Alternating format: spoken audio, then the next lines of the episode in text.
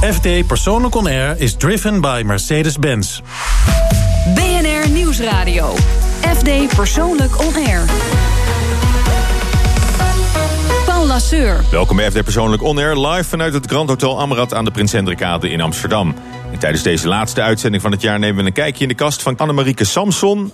Een stoomcursus, hoe word ik restaurantcriticus? En natuurlijk trekken we de champagne open. Maar eerst, mijn gast vandaag brengt een aanzienlijk deel van zijn tijd door in concertzalen. En dan in het bijzonder in zijn eigen zaal. Hij is namelijk directeur van het Koninklijk Concertgebouw tegenover het Museumplein in Amsterdam. Van harte welkom, Simon Reining. Goed dat je er bent. Heb jij het mooiste beroep ter wereld? Het zou zomaar kunnen. Als je beroepshalve zoveel tijd in concertzalen mag doorbrengen. Je krijgt automatisch een hoop muziek mee, denk ik. Ongelooflijk veel mooie muziek. En het mooie is ook dat je met heel veel bijzondere mensen omgaat. En dat zijn natuurlijk heel veel muzici, maar ook heel veel andere mensen. Eigenlijk komt heel Nederland en ook heel veel mensen van buiten Nederland komen naar het concertgebouw. En ik vind het geweldig om die allemaal eh, te ontmoeten en ook veel met mijn collega's samen te werken. Dus ja, ik denk dat ik wel eh, een van de allermooiste beroepen van de wereld heb. Ja, en dat al eh, zo'n twaalf jaar, hè, inmiddels. Inmiddels mag ik zeggen, al zo'n twaalf jaar, bijna. Ja. En, eh, en wat maakt het concertgebouw, het Koninklijk Concertgebouw in Amsterdam, tot een van de mooiste concertzalen van de wereld? Ik denk dat het een combinatie van factoren is. ik denk dat velen zullen zeggen dat vooral de akoestiek van de grote, maar zeker ook de kleine zaal, echt wereldwijd uniek is. Alle muzici die bij ons komen, en dat zijn echt wereldberoemde artiesten die in alle grote zalen van de wereld optreden. Iedere keer zeggen ze weer: dit is toch wel een van de absolute topzalen. En velen vinden het zelfs de allermooiste zaal van de wereld. Ja. Dat maakt het heel bijzonder. Ik denk ook het feit dat het in Amsterdam aan het Museumplein ligt. Dat ensemble van die cultuurinstellingen bij elkaar is denk ik heel bijzonder. Beetje zo'n museum mile, maar dan, dan nog kleiner. Je hebt nergens ter wereld zo'n opeenstapeling van topinstituten van verschillende disciplines bij elkaar. Ja. En wat is het grootste misverstand over jouw werk? Misschien wel wat, waar, waar ik mee begon, om te zeggen dat je, dat je eigenlijk altijd in, in de concertzaal zit. Ik weet niet of er een misverstand is. Ik heb geen idee of dat bestaat. Nee, we hebben wel een aardig beeld van, van, van jouw beroep. Als, uh, dat weet als ik we ons voorstellen dat, uh, Misschien komt dat, in het dat je je lekker, lekker in het pluche laat zakken. En dan nog eens uh, een, een, nieuwjaarsconcert. Ja, want, want deze, deze dagen natuurlijk helemaal is het Nou, het grappige is, is mijn zoontje zei wel eens van... God papa, waarom ga je niet gewoon als het zomer is... even met een colaatje in de tuin zitten smiddags? Want je, mijn kantoortje grenst aan een mm. tuin. En toen had de jongen volgens mij nog niet echt een goed beeld van dat er ook overdag gewerkt moet worden. Ja. Maar goed, de, de winter is, is misschien wel het, eh, het eh, hoogseizoen voor, uh, voor het concertgebouw? Wij kennen geen dalseizoen of een piekseizoen. Het is iedere dag feest bij altijd, ons. Want, want, hoeveel avonden per jaar is de, is de grote zaal bezet? Nou, we hebben in het gebouw per jaar meer dan 900 uh, evenementen. Waarvan meer dan 700 concerten. Dus ja, tel uit op 365 dagen. Dat is gewoon eigenlijk iedere dag. Ja, en uh, je kan niet overal bij zijn natuurlijk. Hoe vaak, hoe vaak zit je er wel bij? Het varieert een beetje. Ik denk dat het gemiddeld tussen de 12, uh, 12 dat valt ook wel mee, twee keer per week tot uh, vijf keer, zes keer per week is. Ja, en, en dan hoor je natuurlijk heel veel. Uh, ben, je, ben je wel een kritisch luisteraar? Of, of vind je alles mooi wat in jouw zaal wordt uh, opgevoerd? Ik probeer een beetje een mix te vinden tussen uh, enerzijds het, het, zijn van een blije amateur. En dan amateur in het woord van in de, de goede betekenis van het woord, liefhebber en tegelijkertijd ook professioneel. Ik vind dat we natuurlijk altijd een kritische grens moeten hebben waar we boven moeten willen blijven. Gewoon wat betreft de kwaliteit van wat wij bieden in het concertgebouw. En tegelijkertijd kan ik ook nog steeds als een liefhebber er naar luisteren. Dus dan eh, als er ergens een nootje wordt gemist bijvoorbeeld. Maar het is een geweldig indrukwekkende prestatie die iemand levert. Dan uh, luister ik er graag overheen. Ja, nou, nou zijn die hele spectaculaire uitvoeringen die eens in de zoveel tijd ineens ja, plaatsvinden. Dat, is natuurlijk geweldig, maar er, zijn natuurlijk veel meer uitvoeringen die, die middelmatig zijn, waarvan je misschien denkt, uh, mooi. Had, had, had, wel, had wel beter, heb ik al eens beter gehoord? Ja, beter. Het is vooral vaak anders. En ik moet zeggen dat toch de kwaliteit, het niveau van waarop nu muziek wordt gemaakt, is ongelooflijk hoog. Ik denk, ik denk dat we zelfs van een all-time high kunnen spreken. Ja? Hoe, hoe, verklaar je dat? dat? Dat dat niveau nu zo is uh, gestegen? Ik, ik, denk toch dat de professionaliteit... ik denk dat de mensen die nu muzikus zijn... eigenlijk in een heel vroeg stadium beginnen... tegenwoordig goed begeleid worden. Net als bij sport worden ze heel goed getraind, mm. om het maar zo te zeggen. Goed met begeleid worden. coaching ook nog. Met coaching en alles erbij. En ik denk dat veel muzici ook nu toegang hebben tot goede muziekinstrumenten. Dus al vrij snel zeg maar, hun talent kunnen laten tot wasdom kunnen laten komen.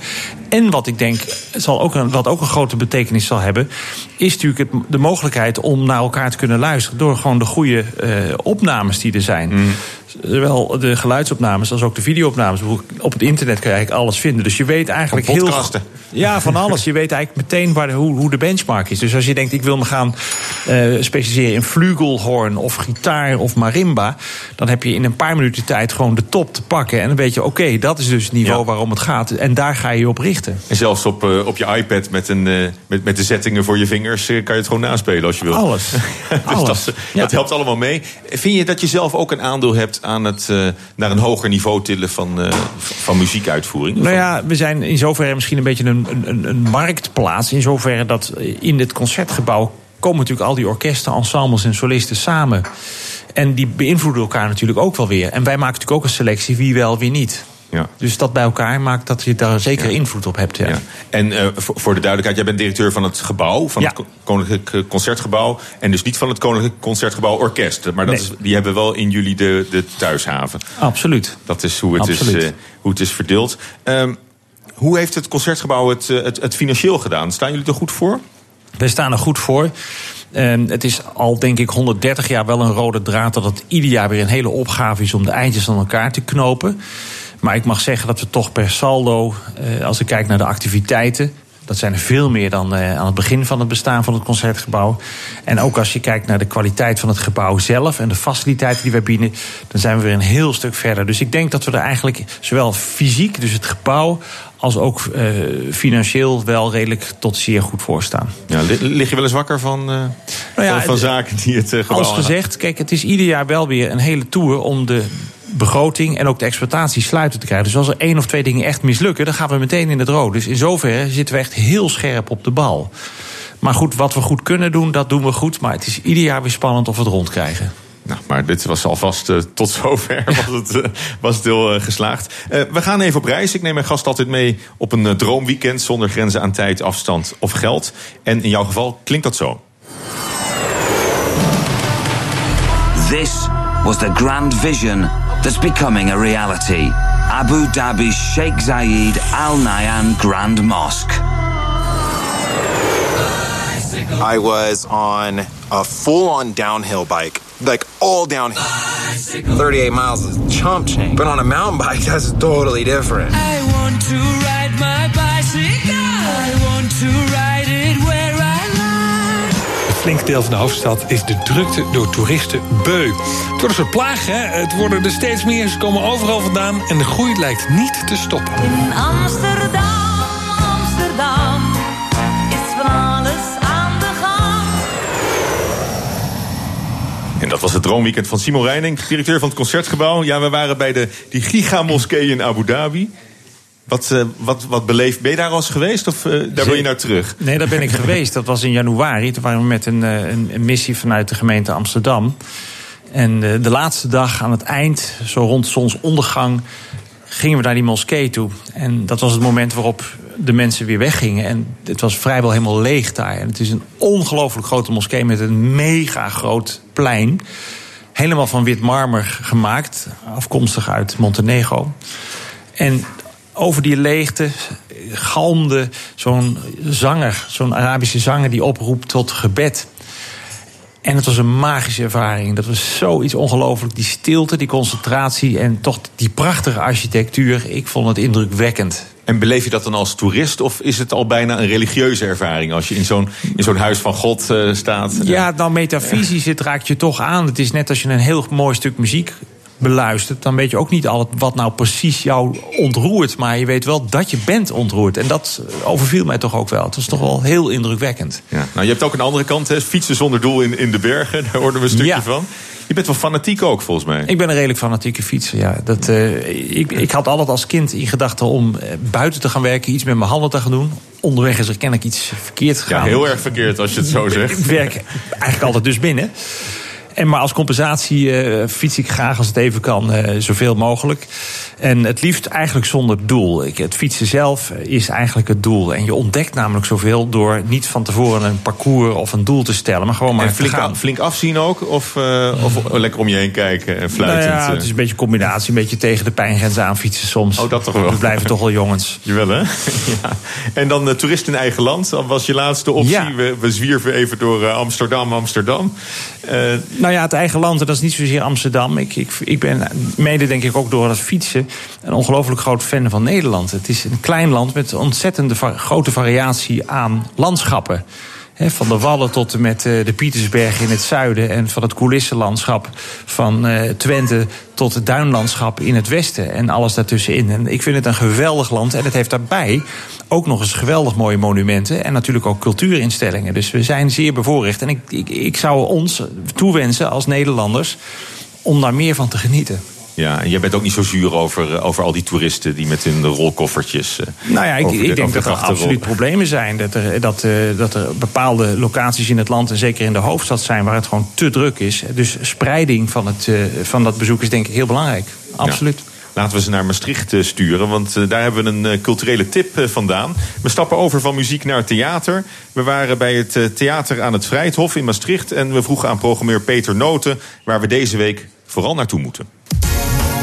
Nou, aan het begin van het nieuwe jaar dan moet je gaan kijken naar The Nation van het Nationale Theater. Eh, een van de grootste toneelgezelschappen van het land. Dat onder leiding staat van Teu Boermans en Erik de Vroet. The Nation is een thriller in zes afleveringen in je theater. En dan denk je bij jezelf, hoe moet ik me dat nou gaan voorstellen? Nou, het is eh, ook wel wat. Het, het, werkt verslavend als een eh, Netflix-serie of vroeger het hoorspel voor de oudere luisteraar. Ehm, je wordt meegezogen in dat verhaal. En de tijd vliegt eigenlijk aan je voorbij. En je hebt niet in de gaten dat je vijf uur theater over je heen krijgt. Erik de Vroet heeft eh, een jaar lang gewerkt aan die theaterthriller... die eh, over een op hol geslagen Nederlandse multi- multiculturele samenleving. Eh, het is eigenlijk zijn ode aan Den Haag. Het gaat over het verdwijnen van een jongetje... en iedereen in, de, in, in, in, die, in die wijk weet er iets van, maar zegt niks. Politieagenten, jihadisten, ondernemers, politici, goedmensen, journalisten. Iedereen bezit een stukje van de puzzel. Maar hoe moet je die ontrafelen?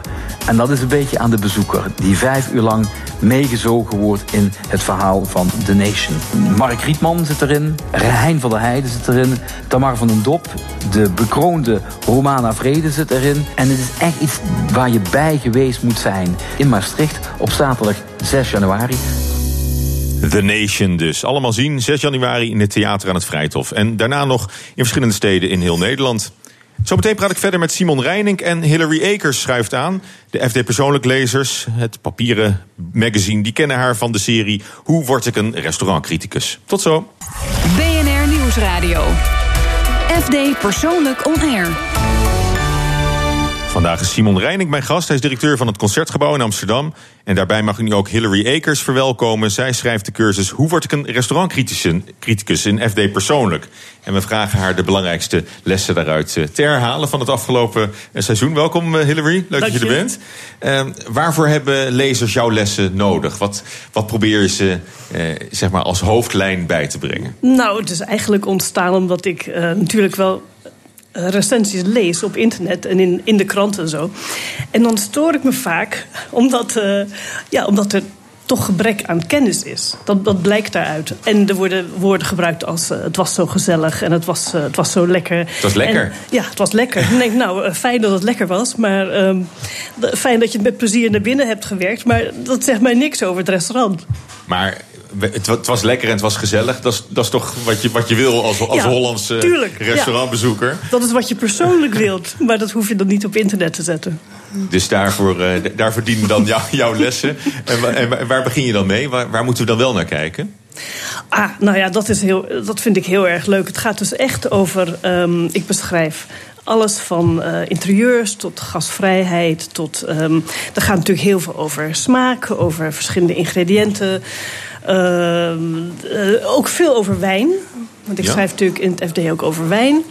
En, eh, en juist die, die artikelen Je, over... je schrijft ook eens over keukenattributen volgens mij. Of ja, eh, dat was, de, bijzondere dat was de vorige serie. Ja, ja, dat Maar was dat, ook. dat helpt misschien ook. maar maar, maar, maar, nou, zelf- je moet inderdaad wel wat Ja. van keukentechniek weten, ja. Maar eh, je bent zelf ook geen professioneel eh, restaurantcriticus. Je, je Nee. bent wel finoloog en je bent, eh, je bent kok, je bent Ja. historica. historica. Ja. Ja. Dat, allemaal wel, maar ook, ook geen, geen, geen officiële criticus. Geen, niet, nee, geen officiële, en dat wil ik ook niet worden.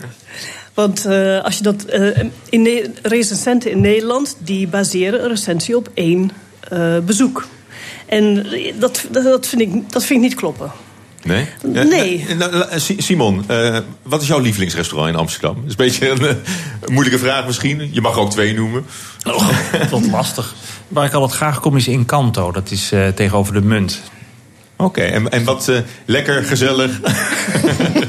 Altijd dit eh, is, fijn verlicht. Italiaanse snit. En er wordt altijd goed gekookt. Prachtige wijnen. Maar ik ga eigenlijk zelf, eh, als ik zelf moet kiezen, ik ben privé. Dan ga ik eh, het liefst naar een restaurant als de knijp. Gewoon eenvoudig, inderdaad.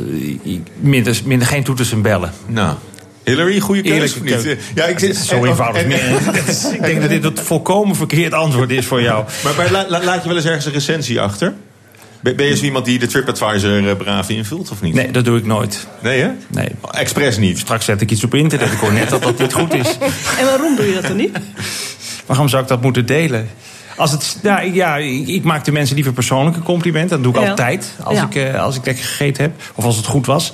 Eh, en als het echt iets heel slecht is, dan zal ik het misschien wel een keer doen. Dat denken mensen, Kijk, hier, daar dit is nu meiden. Ja, maar dat, dat is, dat, is, dat is waar. Maar dan doe je, je- doe je je medeburgers een plezier door het advies meiden te geven. Zo'n een waarschuwing. Wat, wat, Ja. wat vind jij er nou van? eh? Nou, ik vind. I- i- ehm, is, is hij een, een, een symptomatisch voor, voor hoe Nederlandse Ja, restaurantbezoekers... Ja, absoluut. Ja? Ja? Ja, Nou, hoewel, ik vind het heel erg goed wat Simon zegt. Van als, je, als je het goed vindt, dat je dat ook gelijk zegt in het restaurant. Want dat, dat gebeurt eigenlijk te weinig. Er wordt, ehm, er wordt wel veel eh, geklaagd, maar waarom zou je geen complimenten geven? Hmm. En ehm, dat, dat is ook een van de dingen die ik eh, in, in een van de artikelen heb geschreven. Dat als iets je niet bevalt, bewaar het dan niet helemaal tot het eind. dan kun- krijg je ook niet de kans om het, eh, te Nee, herstellen. dan- Nee, nee, zeg dan gelijk. Komt dat bord op tafel en je denkt van... nou, dit is gewoon... eh, dit, hier, dit heeft onder een auto gelegen. Maar ik voel me als gast... Zeg het dan gewoon. Ik zou me als gast ook wel een beetje pompeus eh, voelen... als ik zeg van... eh, ik, ik wil de kok wel even spreken. Of, eh, ja, maar dat ik, hoeft eh. Nee, maar je kunt gewoon zeggen tegen Of de hetgene wijn die het bord neerzet. Dat, dat, vind, dat vind ik ook zoiets. Het, het is, er gaat altijd een hoop aanstellerij mee gepaard, vind ik. Je vindt de wijn terugsturen aanstellerij? Ik doe dat Ja, altijd. Ik, ik- jij stuurt altijd de wijn, sowieso. Als het niet goed is, Dan, dan als- weten ze met wie ze Ja, te maken hebben. precies. met Ja. kurk, ik zeg het meteen. Ja. Altijd.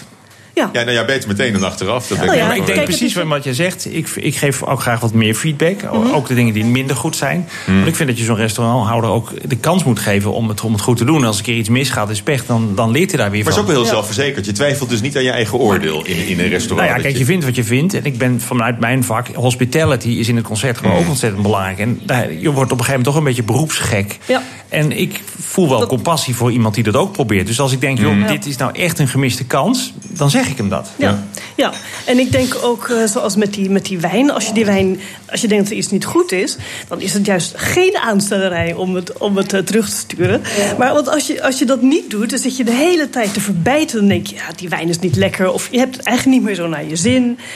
En ehm, dat bederft je avond. En er kan, ook, er kan natuurlijk ook iets fout zijn met die wijn. Dat is ook het. eh, een, van mijn, een van mijn artikelen gaat ook over ehm, of, die, of je die wijn of je die als eh, sommelier moet voorproeven. Of dat je die de gast laat voorproeven. En er zijn ook altijd heel veel discussies over.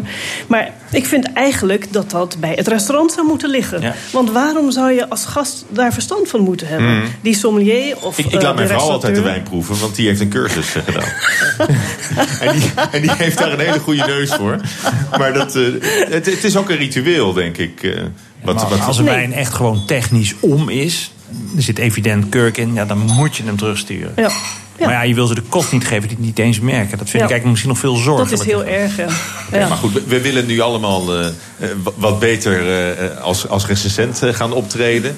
En dan zouden we jou, jouw cursus, jouw stoomcursus... hoe word ik een restaurantcriticus Absoluut, ja. eh, volgen. Wat, wat, wat moeten we daarin overhouden qua vocabulaire? Hoe moeten we ons dan uitdrukken? Als we niet meer mogen zeggen, het was lekker, het was gezellig. Nou, dan zeg je, als je denkt dat die wijn niet goed is, dan zeg je gewoon: volgens mij is die wijn niet goed. En je kunt praten over, eh, over, over smaak. Ehm, je kunt zeggen, het, het, was, het was mijn smaak niet, maar het was wel goed. Want dat, dat zijn natuurlijk wel twee verschillende dingen. En die moet je zien eh, te, te scheiden. En dat moet een kok ook. Ik heb ook met koks gewerkt. Die dan, als ik dan zei van, je moet dit voorproeven. Dan zei ze, nee, dat ga ik niet voorproeven. Want dat, dat vind ik niet lekker. Dan zei ik, nou, niks mee te maken. Je moet het gewoon proeven. Ja. En, en beroepsrecensenten die bedienen zich ook weer van een, van een heel eigen vocabulaire. Waarvan je dan soms ook denkt: eh, ja, hoe moet ik, wat moet ik daar nou mee? Wat voor dingen denk je wel aan? Nou ja, ik probeer even wat voorbeelden te verzinnen. Maar ik kan me zo voorstellen dat, dat ieder, ieder beroep zijn eigen. Hè, deze wijn heeft wel, een, heeft wel een zuurtje. Of die zit. eh, Vakterminologie.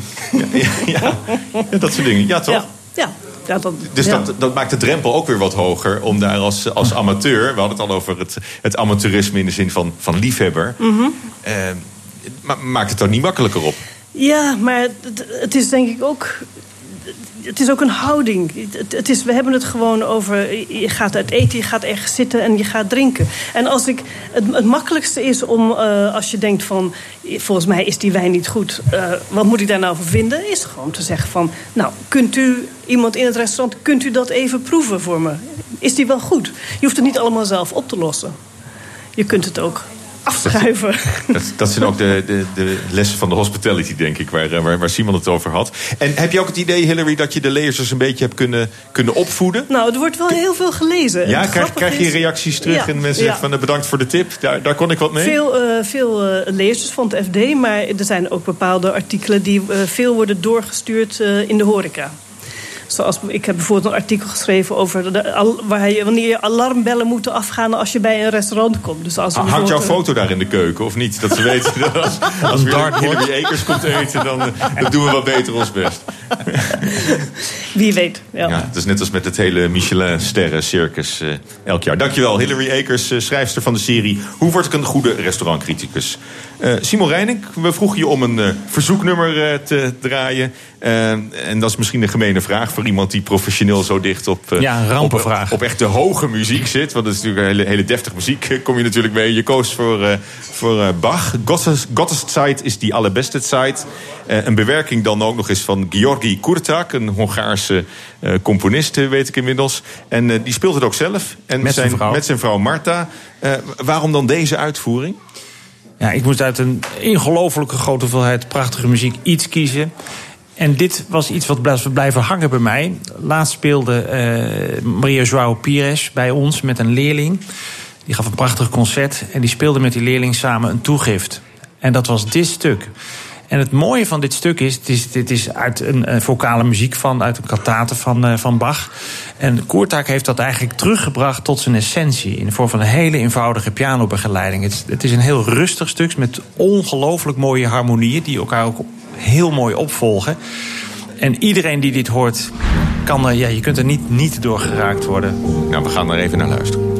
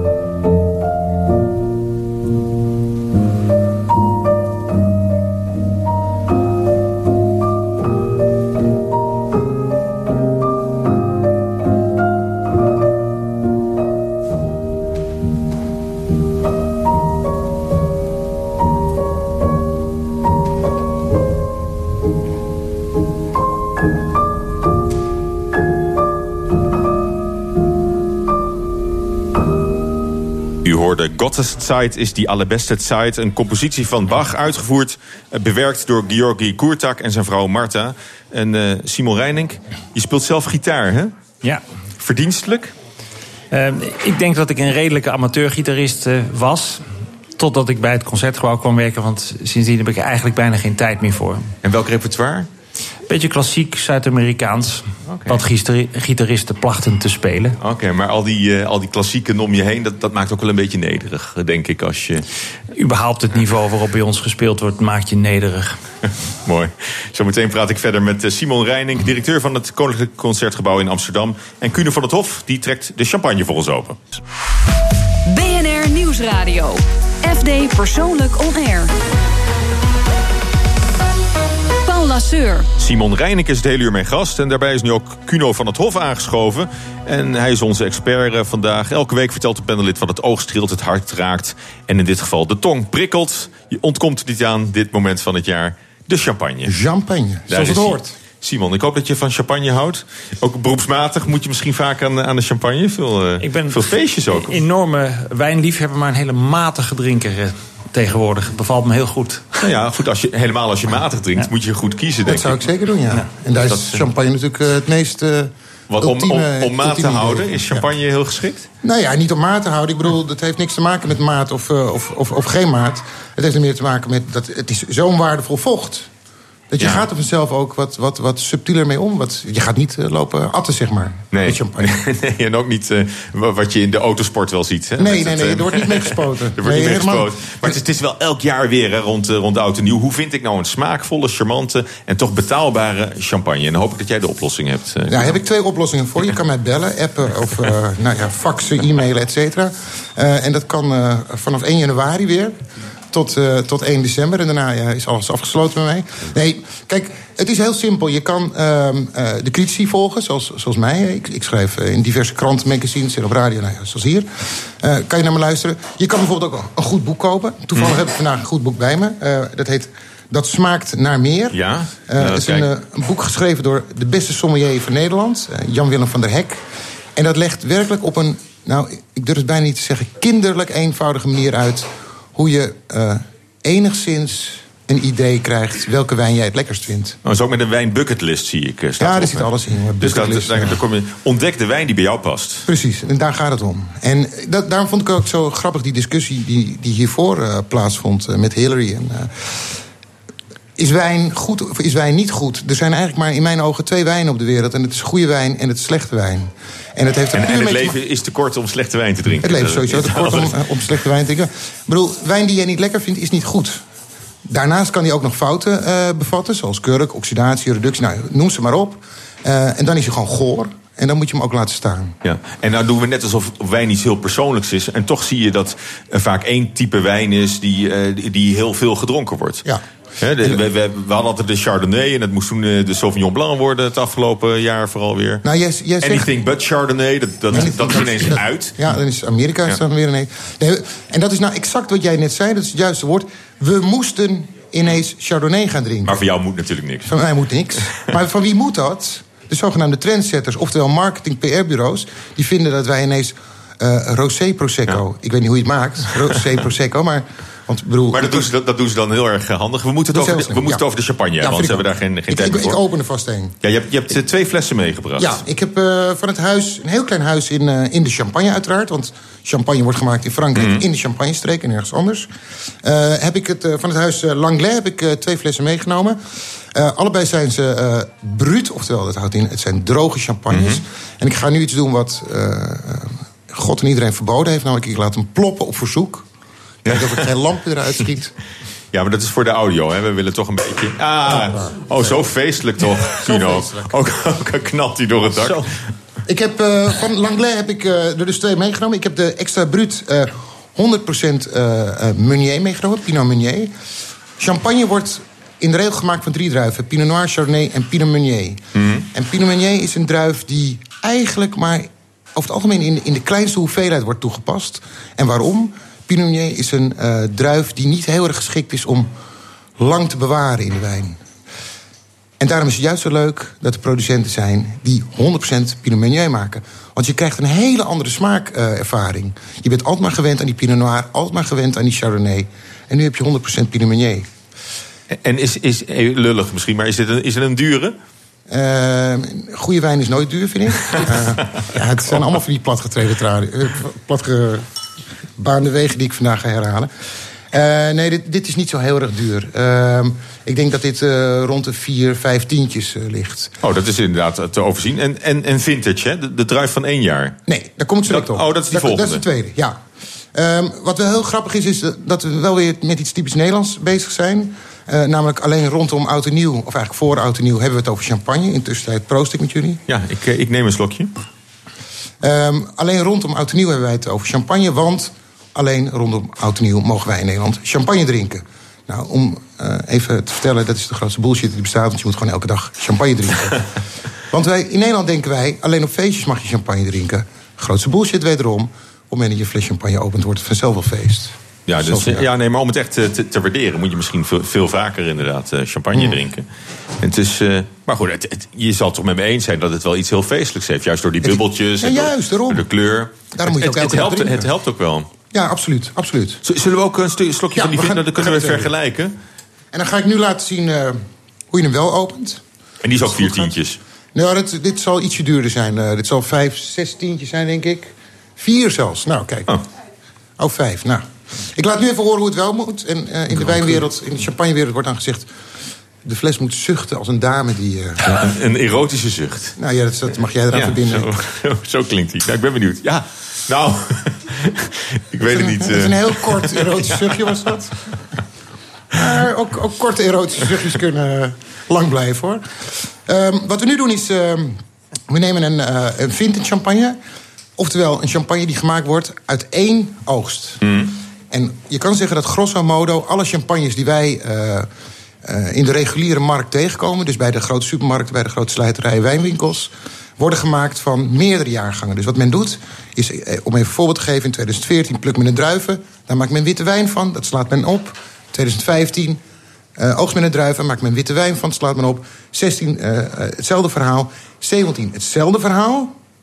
Dan gaan ze die vier jaargangen gaan ze met elkaar blenden, mixen... Mm.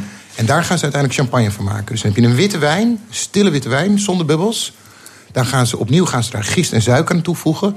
En door die gist en suiker krijg je de moeswerking. Dus die, die bubbel die ontstaat in de fles. De natuurlijke, uh, ja. natuurlijke maar, maar, maar, maar, vintage klinkt heel, heel, heel stoer. Dan denk je alle, alle druiven uit hetzelfde jaar, uit dezelfde oogst. Is dat per definitie ook beter?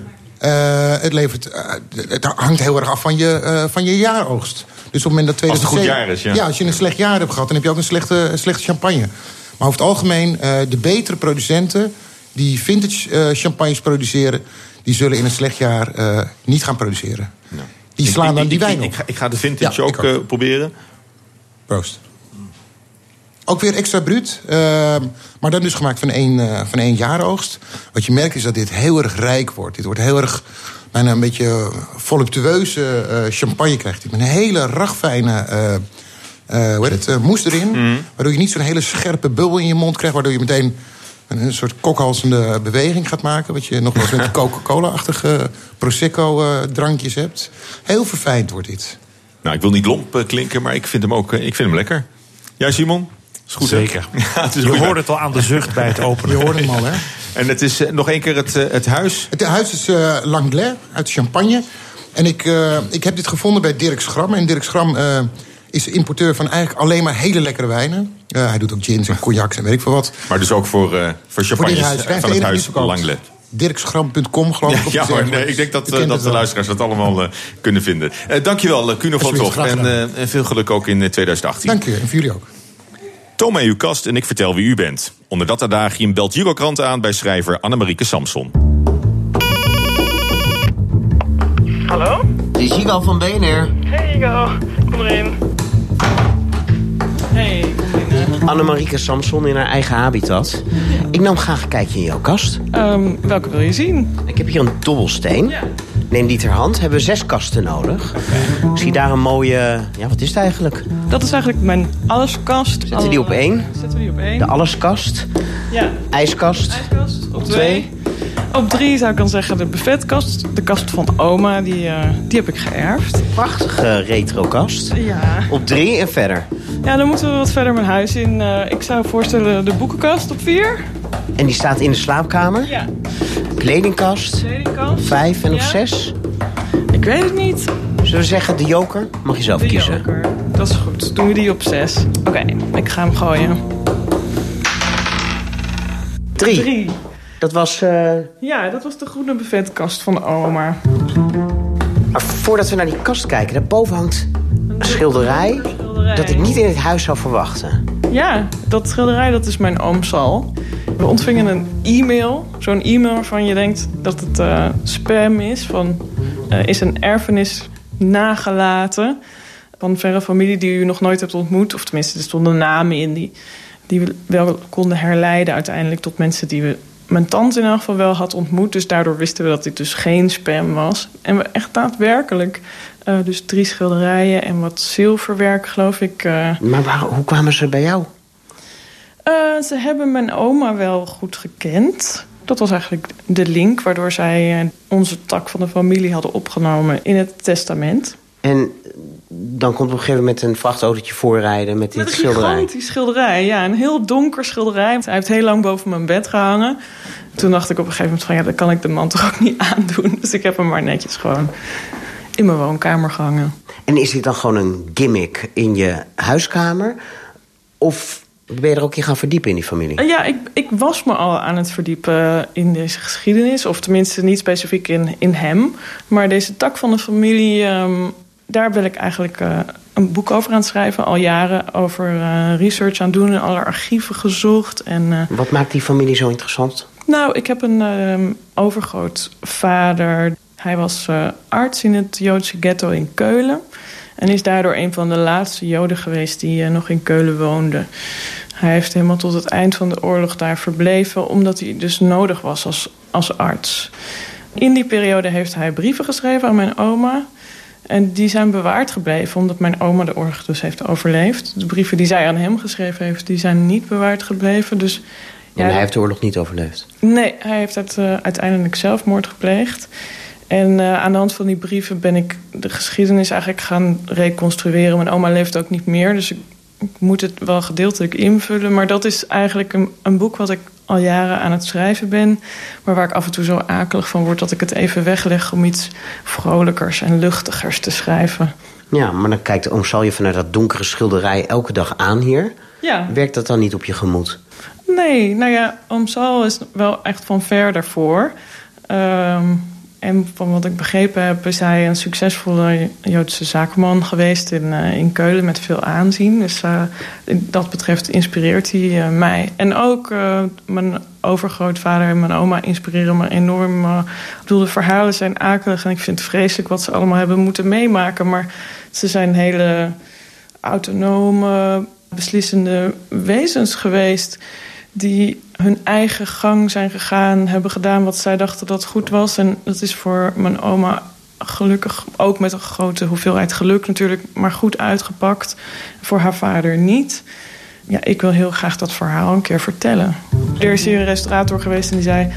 dit schilderij is echt niets waard. Hooguit een paar honderd euro. En eh, restauratie kost duizenden. Dus daarom blijft Oom Sal een beetje groezelig. Je hebt het helemaal niet over die kast eronder gehad. Nee, nee, de kast eronder. Ja.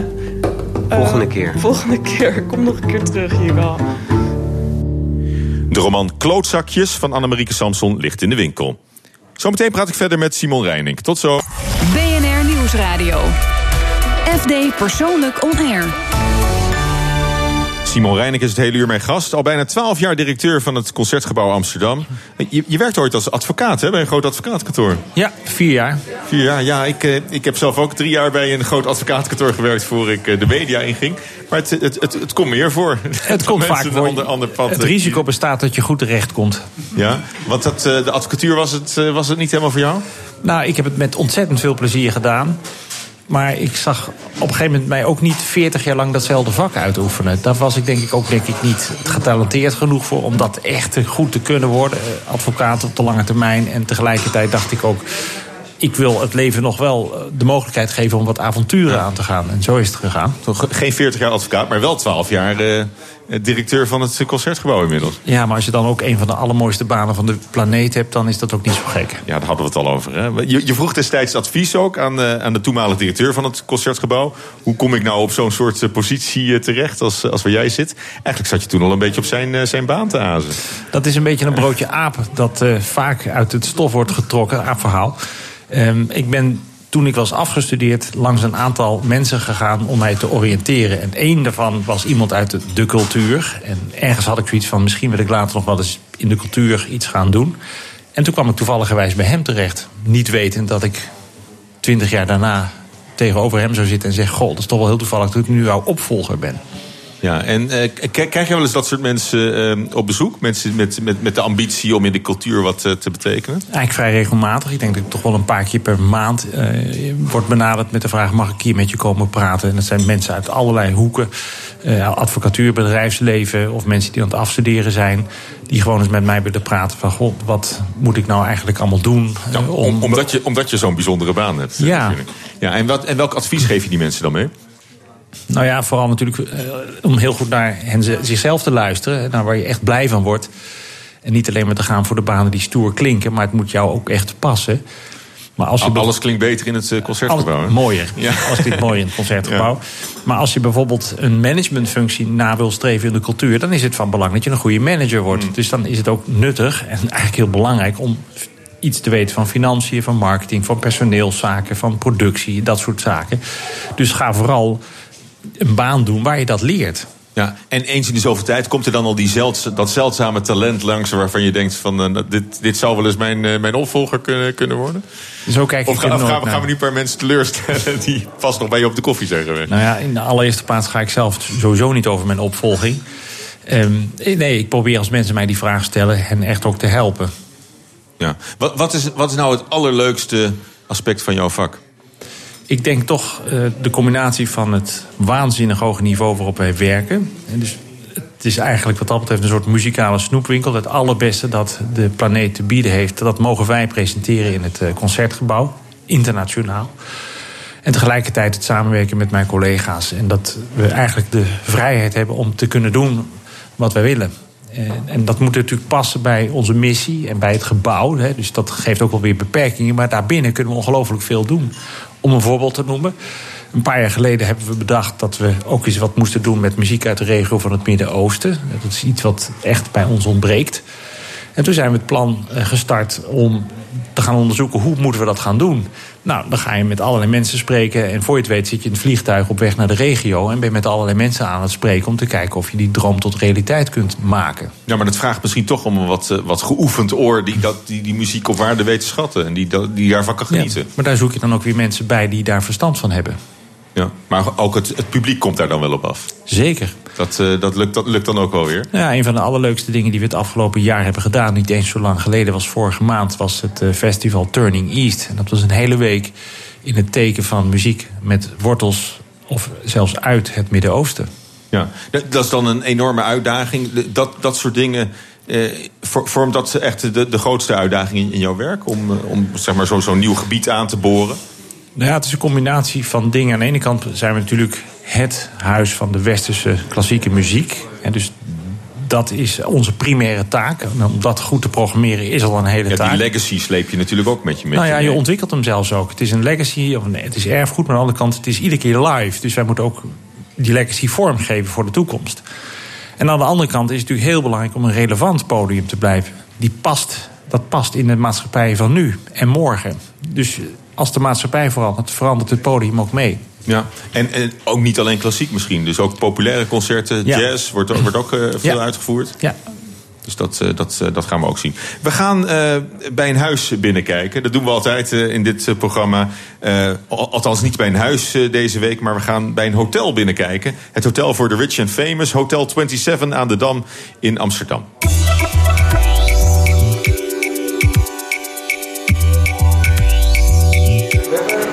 We nou weer een groen erin? Groen is de enige kleur die ik liefst er niet erin had gehad. Groen niet. Want? Groen is, eh, Erik, eh, groen zie jij als bruin, hè? Is het niet? Nee, groen zie ik als groen, maar de groen vind ik niet... eh, Even voor de duidelijkheid. We staan te kijken in een lichtschacht. En in die lichtschacht hangen lampen. Een lichtschacht, ik noem het een atrium. Wat Oh, pardon, atrium. Ja. En eh, het zijn eigenlijk, voor mij zijn het druppels die naar beneden komen. Ja, ik noem het resonating lights. Hè, Het zijn echt glazen sculpturen. En er zit zeg maar een tai chi beweging in. Eh, de ene lamp die tikt de andere aan en verandert zo van kleur. Ik heb het eh, gevoel, want ik heb ook eh, ogen... dat ik eh, onder water ben en dat ik allemaal prachtige kwalletjes Ja. zie. Ja, ja, zo kan je het ook zien. Van welke kant je er ook naar kijkt, het is steeds weer een ander beeld. Door naar kamer 604. Deze deur zou is, is denk ik ook nog kogelvrij, maar hij is zo dik dat hij soundproof is. Ja, ondertussen kijk ik eh, over Amsterdam. Jeetje. Ja, uitzicht over het Rokin. Een prachtige ronde raam. Überhaupt de locatie is al nu uniek. Maar eh, binnen het gebouw van Fouke Kuiper... eh, 1913. Ja, we zitten nu eigenlijk op zolder, hè? Want dat zie ik aan de vorm van het, eh, van, eh, van het dak. Ja, alle spanten hebben we hier zeg maar in het zicht gelaten. En eh, mooie behangen. En we hebben overal die hoogtes willen pakken. Is dit eiken, dat, dat parket? Ja, ja. een uh, verzeipatroon, eiken met een mooie Wenge bies. En nou ja, de behangen die je om je heen ziet, hè, dat is goudbehang, zijdebehang. Waarin het draad, zeg maar, het zijdedraad, dat zit eigenlijk los erin verweven. Maar je ziet hem ook zakken. En dat geeft eigenlijk ook meteen weer de, de, ja, de ambacht aan van de materialen die toegepast zijn. Erik, waaraan merk ik nou dat dit een, een echt Erik Toren uh, hotelkamer is? Ik denk warmte. Voor de meeste mensen die hier binnenkomen van 20 jaar tot 80...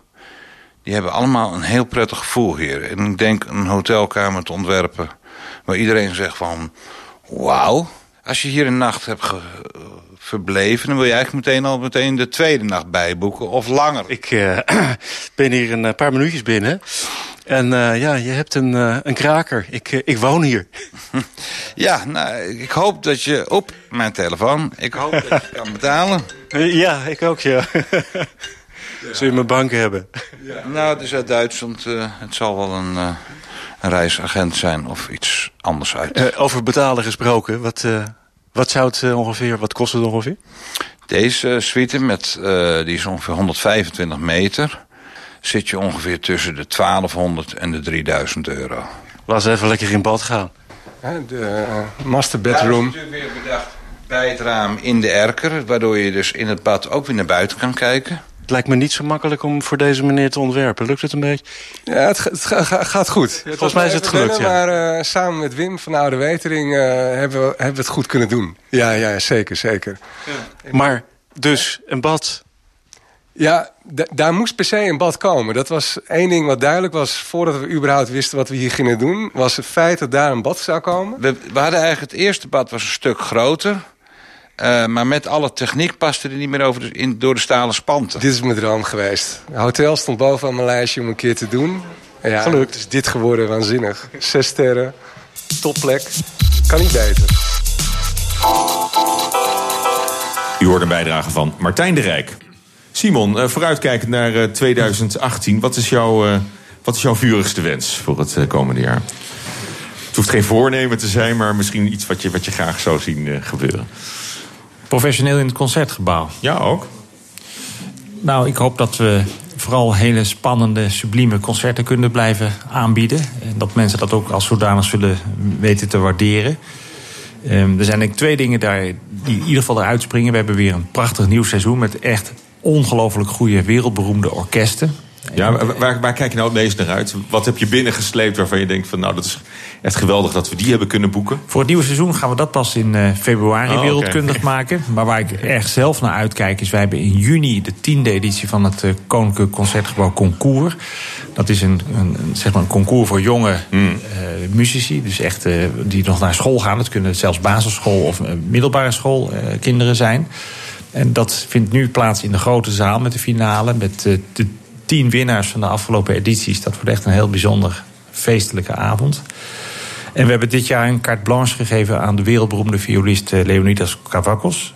En die komt onder andere in eh, februari, 13 februari, met een sterrencast eh, kamermuziek spelen bij ons. Met Yuja Wang onder andere. Dat is een geweldige pianiste.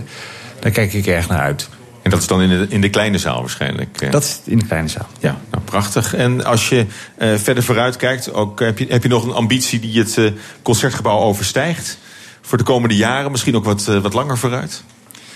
Nou, niet zozeer artistiek, maar eh, ik kijk niet zonder zorg dagelijks in de kranten wat er in de wereld gebeurt. En de wereld is extreem nerveus. En ik zou ons toewensen dat we wat weer teruggaan naar eh, een wat rustiger eh, samenleving. Het is erg onrustig in de wereld. En ik hoop dat die ook een, toch een stuk duurzamer kan worden. Want we wonen onze planeet wel heel erg uit op dit moment. Nou, die hoop, die hoop deel ik met je en ik denk vele anderen. Dankjewel dat je mijn gast was, Simon Reining. En dit was de laatste FD Persoonlijk On Air van het jaar... vanuit het Grand Hotel Amrad in Amsterdam. En als u items wilt terugluisteren, kan het via de podcast. U vindt ons op bnr.nl en de bekende kanalen. Fijn weekend. FD Persoonlijk On Air is driven by Mercedes-Benz.